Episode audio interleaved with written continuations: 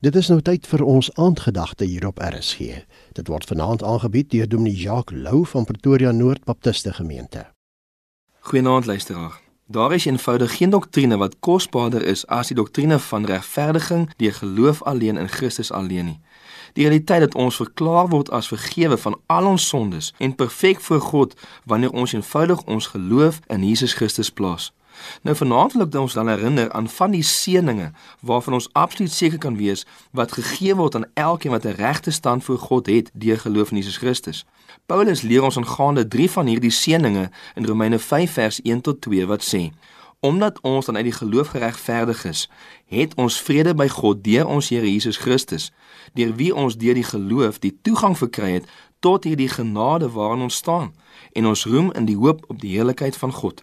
Let op hierdie drie seëninge waarvan elke gelowige absoluut seker kan wees. Nommer 1: Ons het vrede met God. Toe ons buite Jesus in ons sonde was, was ons nie eenvoudig neutraal teenoor God nie, maar ons was sy vyande. En wat nog meer angswekkend is, is dat God was ook ons vyand. Ons was onder sy wraak en oordeel en hy was vyandig teenoor ons as gevolg van ons rebellie teen hom. Maar nou, deur geloof in Jesus Christus, het ons vrede met God.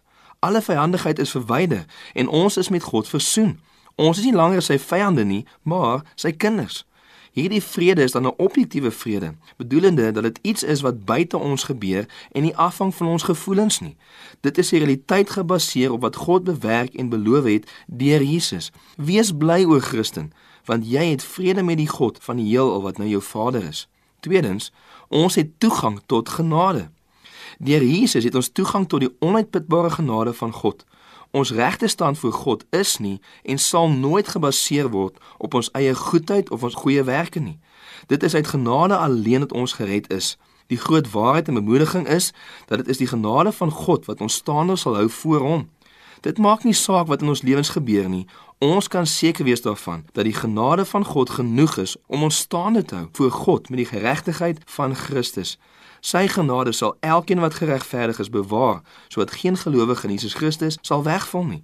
Wees bly o Christen, van God se genade sal jou bewaar en jy sal voor hom staan. Derdens, ons het die hoop op die heerlikheid.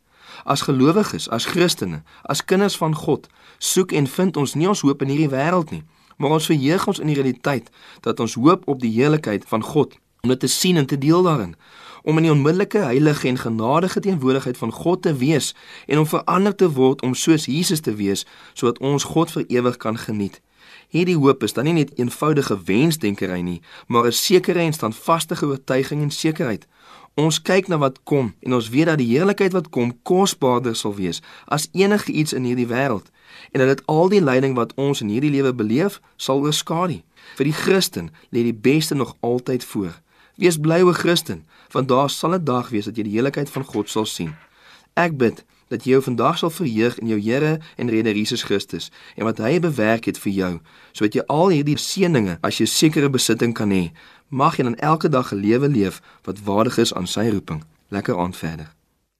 Die aandgedagte op RSG is aangebied deur Dominee Jacques Lou van Pretoria Noord Baptiste Gemeente.